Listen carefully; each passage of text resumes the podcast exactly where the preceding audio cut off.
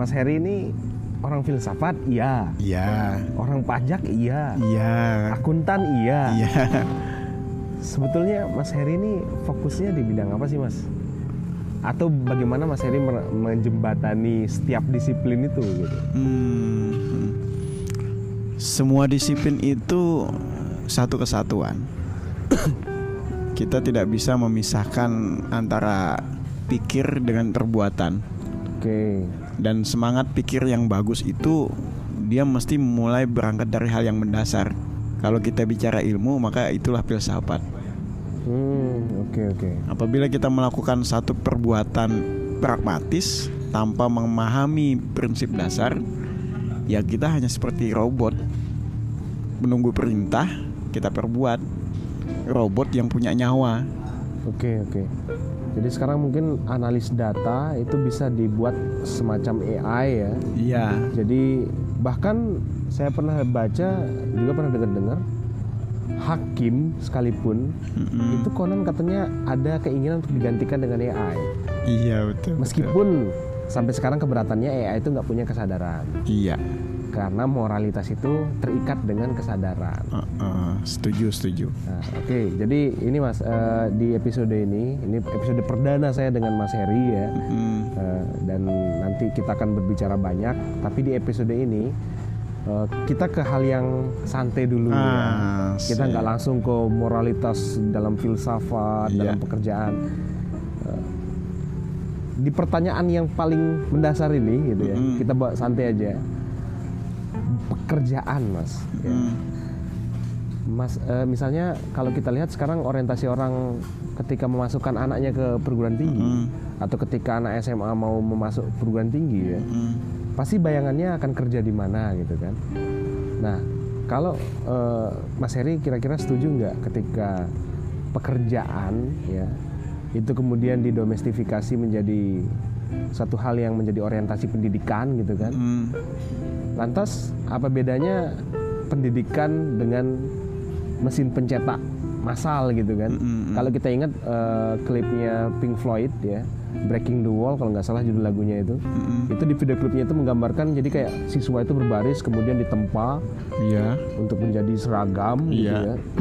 nah kalau Mas Heri eh, menjawab pertanyaan apa sih bekerja itu? Mm-mm. Iya. Silahkan mau dikaitkan dengan humanism atau apa? Ah, Oke. Adalah lazim ketika orang kebanyakan mendefinisikan pekerjaan adalah perbuatan melakukan sesuatu dengan tujuan mendapatkan penghasilan. Itu lazim. Sehingga output dari pekerjaan adalah penghasilan. Kita mesti tingkatkan pada level yang selanjutnya Hmm. bahwa pekerjaan itu outputnya adalah menghasilkan sesuatu yang kita kerjakan dengan sebaik-baik mungkin. Sedangkan penghasilan itu adalah outcome. Dengan kata lain, tujuan bekerja bukan mendapatkan penghasilan. Tujuan bekerja adalah menghasilkan yang kita kerjakan dengan sebaik-baiknya. Dalam bahasa profesi itu disebut dengan profesional. Hmm. Dalam bahasa perdagangan barang-barang, maka barangnya tuh harus memang sempurna sesuai dengan nilainya, harganya. Kalau harga barang ini levelnya adalah barang premium ya harganya premium. Kalau dia levelnya platinum ya mesti barangnya tuh platinum. Sedangkan penghasilan itu adalah outcome dari bagusnya barang dan jasa yang kita hasilkan. Oke. Begitu kalau Saya saya, teringat dengan ini mas, Eh, Homo faber, Mm-mm. istilah dalam filsafat ya, Iya. nama dalam filsafat manusia, bahwa manusia itu adalah man is the maker, Mm-mm. manusia itu adalah makhluk pekerja. Iya. Artinya eh, state of nature kita itu adalah Hmm. bekerja. Nah, kalau kita lihat sekarang ya, kita dengar tadi eh, penjelasan Mas Heri bahwa ada korelasi antara daya upaya kita dalam menghasilkan barang dan Jasa. yang kita peroleh di Iya betul. Oke, di podcast ini juga saya pernah berbicara itu, Mas, Mm-mm. tentang sorry tentang ini eh, Marx ya. Oh, Ada di iya, iya. episode di podcast Uh-uh. ini.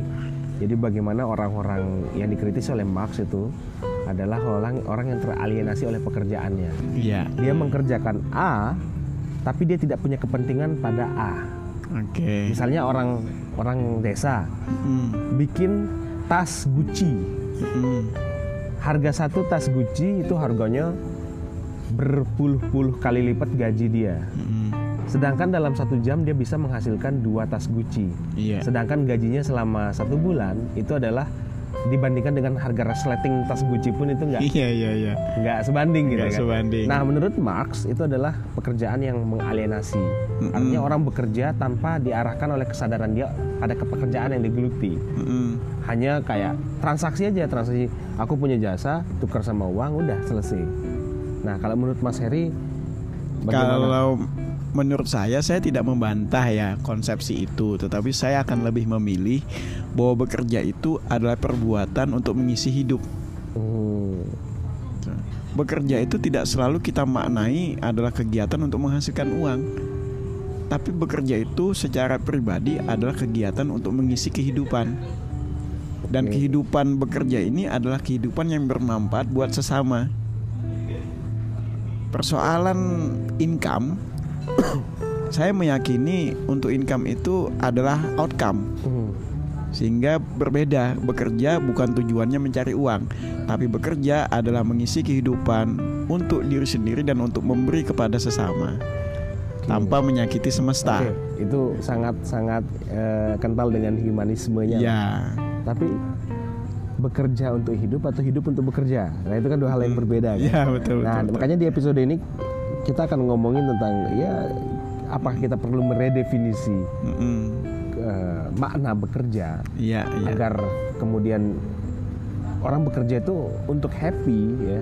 Happy dia menghasilkan dan dia bisa menikmati apa yang dihasilkan. Dia sadar betul apa yang dikerjakan gitu. Iya. Nah, kalau menurutku ya eh, bekerja manusia itu eh, kadang ada porsinya kita bekerja untuk hidup, kadang ada porsinya kita hidup untuk bekerja. iya Nah, kalau Mas Heri gimana?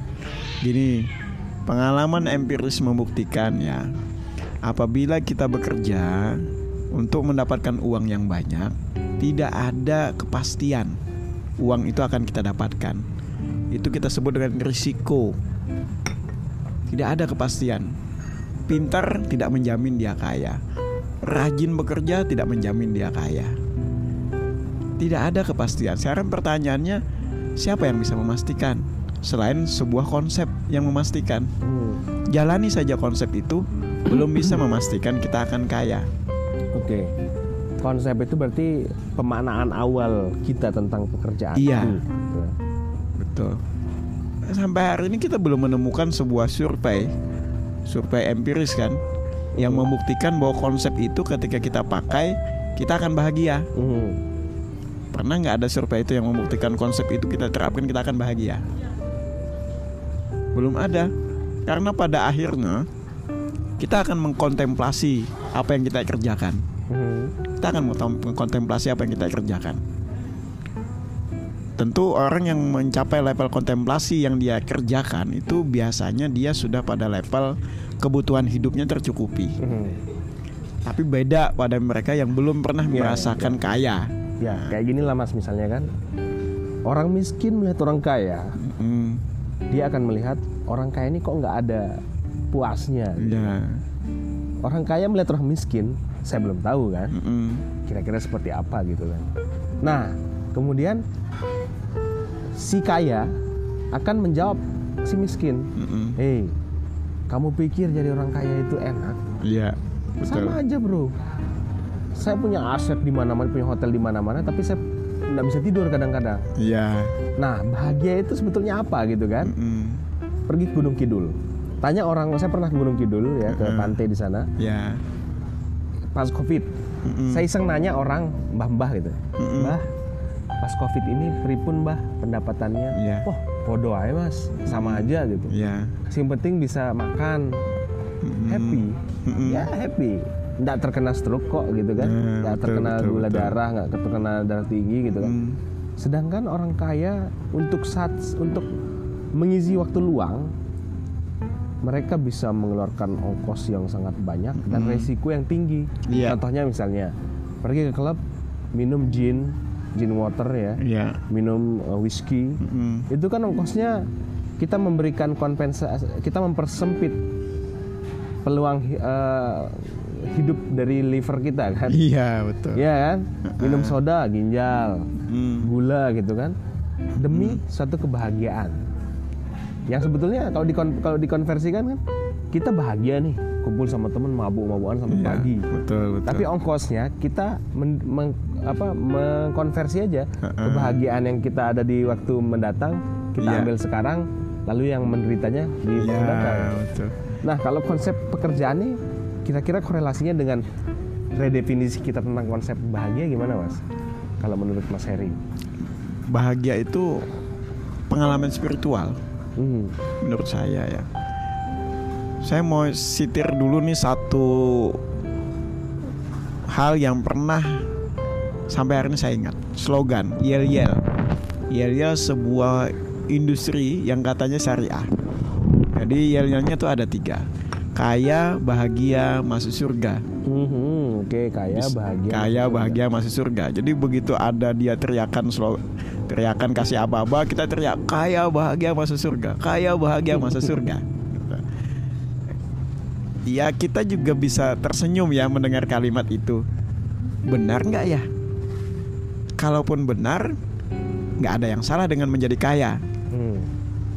Nggak ada salah juga dengan menjadi bahagia dan pengen masuk surga. Tapi apakah tiga kata ini kemudian dihubungkan secara linier?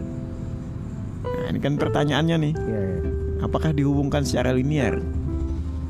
Ini muncul persoalan. Maka kasusnya si miskin melihat si kaya itu ketika miskin mengatakan bahwa kaya itu bahagia, dia melampaui dia melakukan lompatan berpikir. Seharusnya dia mengatakan bahwa kaya itu adalah punya banyak aset. Mhm. Tapi apakah punya banyak aset adalah bahagia? Nah, dia melupakan itu. Yang pasti dengan menjadi kaya kita punya banyak aset. Kita bisa menikmati aset. Tapi apakah dengan punya banyak aset dan menikmati aset itu bahagia? Nah, ini kan satu gaya berpikir yang perlu kita pertanyakan kembali. Sampai hari ini ada nggak yang menetapkan batas kaya itu? Oke, batas kaya ya. kaya. Ya. Kalau batas miskin itu ada ya. Batas miskin Orang ada. kita lihat BPS, Mm-mm. ada indeks Ada. kemiskinan, indeks kekayaan. Ya, Mungkin di situ orang sadar kalau manusia itu tak terbatas gitu. iya betul. Gimana mas? Kalau menurutku ya kayak gitu. Mm, Jadi kita inilah orang kenapa bekerja, kenapa ada UMR?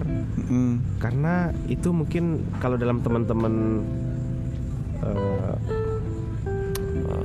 human apa sorry eh, international relation Iya. hubungan internasional mm, ada istilah namanya ontological security. mm. Jadi rasa aman ontologis. Iya iya. kita selalu membuat suatu kondisi yang kemudian kita bisa pahami sebagai batas aman. Iya. Nah, di di semua aspek hidup manusia kan, Iya betul. batas betul. aman. Heeh. Pasti batas minimum yang dicari kan. Iya. Makanya maksimum itu mungkin unlimited atau tak terhingga gitu. Tak terhingga. Yang itulah Pleasure misalnya me- pleasure, ya. Kemudian Ya. happiness, betul. ya kan. Orang Hmm. hanya mema- eh, membuat indeks kebahagiaan dengan mengacu pada kondisi ketidakbahagiaan gitu kan. Mm. Tapi batasan kebahagiaan ini sampai mana? Nah itu Sama juga dengan kekayaan. sama misalnya. dengan kekayaan. Batas kaya sampai mana? Walaupun ilmu akuntansi menunjukkan angka-angka itu, tetapi perspektif kapitalis tidak pernah mengatakan kamu sudah cukup. Kamu sudah cukup kaya, nggak pernah. Teruskan tingkatkan kapitalisasi, kapitalisasi. Teruskan menambah pundi-pundi keuntungan. Oke. eh, jadi kembali lagi ke pembicaraan kita. Ketika ada seorang fresh graduate, ya, Ya, ingin kerja dong. mm-mm. Tapi ketika ingin bekerja, lawan pekerjaan ini mensyaratkan harus pernah bekerja. iya. Lalu kapan bisa bekerjanya gitu kan? kawan bisa bekerjanya betul? Pengen kerja, pengalaman nol. Pas Uh-uh. ngelamar yang diutamakan yang sudah pernah bekerja. Nah, itulah dilemanya dari fresh graduate. Iya, iya, iya. Nah, kira-kira eh, kalau menurutku ya penting kita meredefinisi makna bekerja ini. Mm-mm. Kalau tadi kita dapat dari Mas Heri tadi, eh, oke manusia itu memang hakikatnya sebagai bekerja gitu kan, Mm. bekerja untuk memperoleh suatu hal. Nah, suatu hal apa yang diperoleh, pemaknaan atas yang diperoleh ini kemudian menjadi beragam. Bagi orang tertentu, pencapaian dari bekerjanya itu adalah ketika bisa membeli mobil. Ya. Bagi orang tertentu cukup bekerja itu yang penting iso nyambut gawe, Mm. yang penting anak istri bisa makan satu Ya. piring nasi per hari. Mm-mm. Sudah, Mbak, sudah Betul, betul, nggak- betul. nggak uring-uringan. Ya. Nah, jadi kalau menurutku ya, eh, redefinisi pekerjaan ini ya kita memaknai ulang apa kaitannya pemaknaan kita tentang bekerja dengan happiness itu. Mm-mm. Nah, dalam perusahaan kebetulan kan saya punya beberapa perusahaan nih. Oke. Kenapa kadang-kadang ada perusahaan mensyaratkan yang bekerja sama dia harus punya pengalaman kerja? Karena perusahaan itu nggak mau bayar orang yang nggak mampu bekerja, atau juga perusahaan nggak mampu bayar orang yang mesti diajarin lagi bekerja. Kita bertanya, kamu sekolah ngapain? Kok melamar kerja tapi belum bisa bekerja? Kita nggak mau bayar karena bagi kita buang-buang uang. Oke. So, Karena eh, perusahaan juga ada target ya. betul. Dia tidak mau ngurusin urusan ente. Iya. Maksudnya eh, ya itu bukan urusan perusahaan lah. Betul. Kamu mau sejahtera ya urus diri sendiri. Apa yang Hmm. bisa diberikan kepada perusahaan ya itu yang kami hargai Iya. gitu kan. Kami pernah dulu ada satu orang dia melamar marketing Ya, ceritanya. marketing ya. Dia minta gaji kalau ku sekarang itu sekitar 30 juta lah. Buset ya 37 juta itu tinggi itu. 30 juta. Dengan alasan saya punya banyak mitra yang saya bisa arahkan untuk beli ke Bapak ke perusahaan kita. Oh, ya dia menawarkan Betul. suatu hal yang bisa dia jual gitu ya. Iya. Kayak terus karena dia mengajukan satu angka, angka kan menjadi mutlak ya, definitif. Kami tanyakan kembali, oke, kami bisa gaji Anda 30 juta. Anda bisa kasih berapa kepada kami? Oke, jadi main-main angka ya kita Main lawan pakai angka. ya. Iya. Bingung dia jawabnya. Kita jawabnya gini, margin kita, margin kotor kita 10 persenan, kisaran itu. Kalau buat bayar Anda aja sudah 30 juta, Anda ngasih berapa buat kami? Saya bayar Anda bulan ini sudah 30 juta. Bulan ini Anda kasih berapa buat kami? Harus lebih dong. Harus lebih dong. Nggak mungkin 300 juta. 300 juta udah 10% margin kotor. Hmm, ya. Bisa nggak kasih 3M? Oke. Nah, di situ kemudian dia menyerah. Hmm, nggak jadi dia. Jadi sama dengan fresh graduate tadi. Kenapa perusahaan tidak m- banyak yang nggak mau menerima orang nggak punya pengalaman? Hmm. Karena kuncinya nggak mau bayar. Karena ada hitung-hitungannya juga perusahaan ya. Betul, karena si fresh graduate juga minta dibayar. Hmm. Bagaimana mungkin kita membayar orang yang belum bisa bekerja atau belum terbukti dia mampu bekerja? Hmm. Maka bagi fresh graduate itu mestinya memakai definisi kerja adalah satu perbuatan yang dia bisa berikan kepada perusahaan, Hmm. bukan lalu untuk langsung mendapatkan uang. Oke, oh ya, aku dapat di sini idenya mas. Hmm. Menawarkan suatu konsep ya, yang itu bisa menjembatani keahliannya dengan Betul. kebutuhan dari perusahaan, Iya, tanpa dulu mempertimbangkan kalkulasi betul. salary dengan Iya. angka yang fantastis ya. Tapi misalnya ya, misalnya anak filsafat lah ini kira-kira Mm. kan. Seringkali filsafat eh, dipertanyakan eh, relevansinya dengan Iya. dunia pekerjaan itu apa? Filsafat ngelamar di perbankan. Ya, betul. Filsafat melamar di eh, kantor perusahaan konstruksi, misalnya perusahaan tambang. Hmm. Apa relevansinya? Iya, Nah, pandai-pandai kita dong ya betul. untuk menjelaskan oh saya bisa nih ada ide yang saya tawarkan kira-kira kalau Hmm. seperti itu make sense nggak misalnya kalau ada Mas Heri sebagai pelaku bisnis gitu ya Ya. kira-kira kalau aku sebagai fresh graduate Mm-mm. kemudian ngelamar tawarannya adalah ide strategik misalnya Ya. strategic plan Mm. eh, bagaimana kira-kira respon dari eh, para korporat gitu ya Iya. ini termasuk untuk eh, pendengar di sini yang Iya, anak iya, filsafat atau yang tertarik untuk bekerja ya Heeh. masih fresh graduate Ya. misalnya bingung gitu ingin meredefinisi makna bekerja itu Heeh. Make sense itu. Ada satu pola lagi ya. Ketika kita tanya, ini pengalaman dulu nih, cerita pengalaman kan. Kita pernah menarik, ini menarik, ada ada karyawan dari negara lain juga pengen masuk.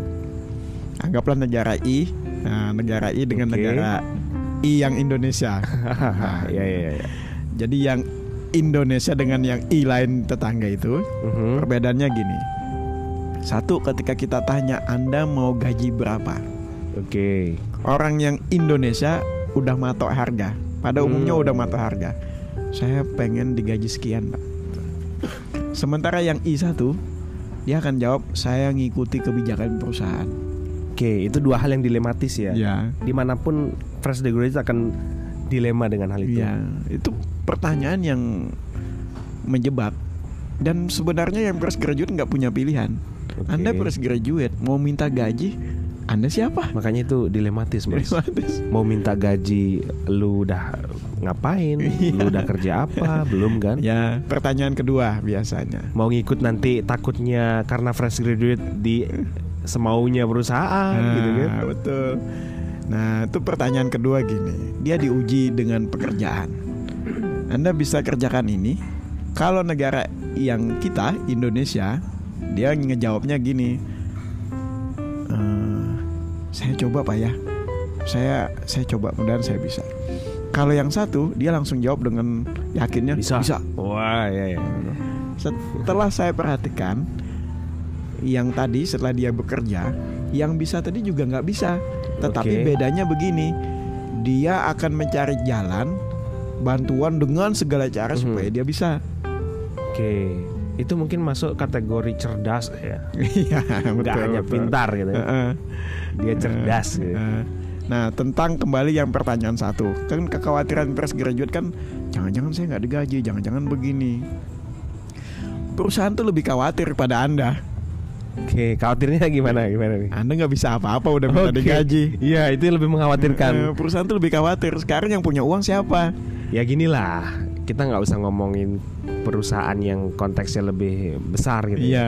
Sederhananya lah, ketika misalnya ada Anda punya sepatu mahal, Mm-mm. tiba-tiba datang sol sepatu, Iya. ya, dan tetangga Anda yang baik, tapi nggak bisa beresin sepatu. Iya iya. Tetangga Anda nawarin, Heeh. yuk kamu ini aja, aku yang beresin sepatumu, cukup kamu bayar aku eh, rokok sebungkus. Heeh. Soal sepatu harganya lebih mahal. Tentu kita akan memilih yang sudah punya pengalaman, gitu ya, Iya, sudah punya betul. eh, ke- keahliannya sudah Hmm. jelas gitu kan. Nah jadi para pendengar yang masih fresh graduate Heeh. ya, eh, jangan putus asa yang pertama. Betul. Kemudian eh, berkreasi. Betul betul. Eh, tips dari Mas Heri, jangan patok pada satu nominal tertentu. Betul. Tawarkan ide kreatif Iya. yang membuat perusahaan bisa percaya Iya. dan tidak khawatir untuk memperkerjakan Anda. Betul. Seperti itu ya. Eh, apabila kemungkinan terjeleknya ya, Anda tidak dihargai di perusahaan yang sudah menerima dan sudah ada tunjukkan kinerja Anda dan perusahaan itu nggak menghargai, Anda akan dilihat perusahaan yang lain. Oke, jadi nggak usah khawatir ya. Gak usah khawatir, Anda akan dilihat perusahaan yang lain. Perusahaan yang lain akan tahu, oh ini ternyata ada si si itu di sana. Dia masuk kita aja. Mhm. Anda akan diperbutkan. Anda akan diperbutkan sama perusahaan yang lain. Oke, nah, ini kan kita sudah hampir 26 menit ngomongin Hmm. tentang redefinisi pekerjaan ya. Iya. Nah, sebagai closing, biasa kita di podcast audisi ini maksimal itu 27 menit, Mas. Oh, Jadi iya, ini iya, iya, sebagai eh, bukan kesimpulan sih kan terlalu formal ya. Iya iya. Artinya perlu nggak kita meredefinisi pekerjaan ya, makna dari bekerja. Mm, Lalu sejauh mana kita bisa kemudian mematok suatu pakem pemaknaan atas bekerja itu? mm, mm. Saya melihat kita perlu menambah variasi redefini- variasi definisi pekerjaan. Bukan lalu mengubah yang ada, tapi menambah variasi sesuai dengan level keahlian kita.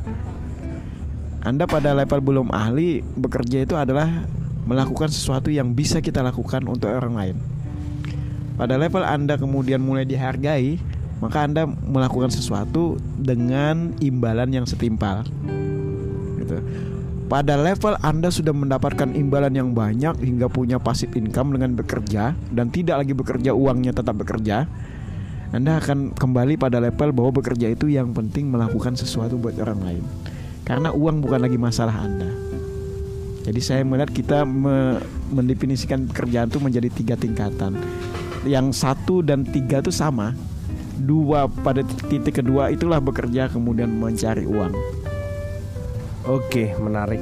Uh, Thank you, bro. Sama-sama. Ya, ini menarik sekali untuk diri saya pribadi, ya, Hmm, dan untuk teman-teman yang mendengarkan podcast ini. Artinya, redefinisi itu kan mendefinisikan ulang. hmm, Jangan-jangan ada yang salah dengan cara kita mendefinisikan ya, bekerja, makna bekerja. ya.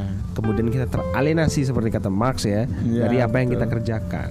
Mm-mm. Sehingga ya orang kemudian masuk kerja sini baru kerja sebulan sudah tidak nyaman Iya, keluar. Jadi dia bingung. Nanti pertanyaannya apakah ini bukan passion saya? Nah, itu akan kita Iya. obrolin di episode berikutnya Ah, ya. Setuju. Pekerjaan setuju, dengan setuju. passion gitu Iya. kan. Kadang ada orang yang sudah mati-matian sekolah, ternyata bekerjanya nggak sesuai dengan itu ya. Hmm. nggak kepake nanti kita bincangkan di episode kedua. Oke. Setuju. Semangat, semangat malam yang enak ini. Oke, thank Ya. you.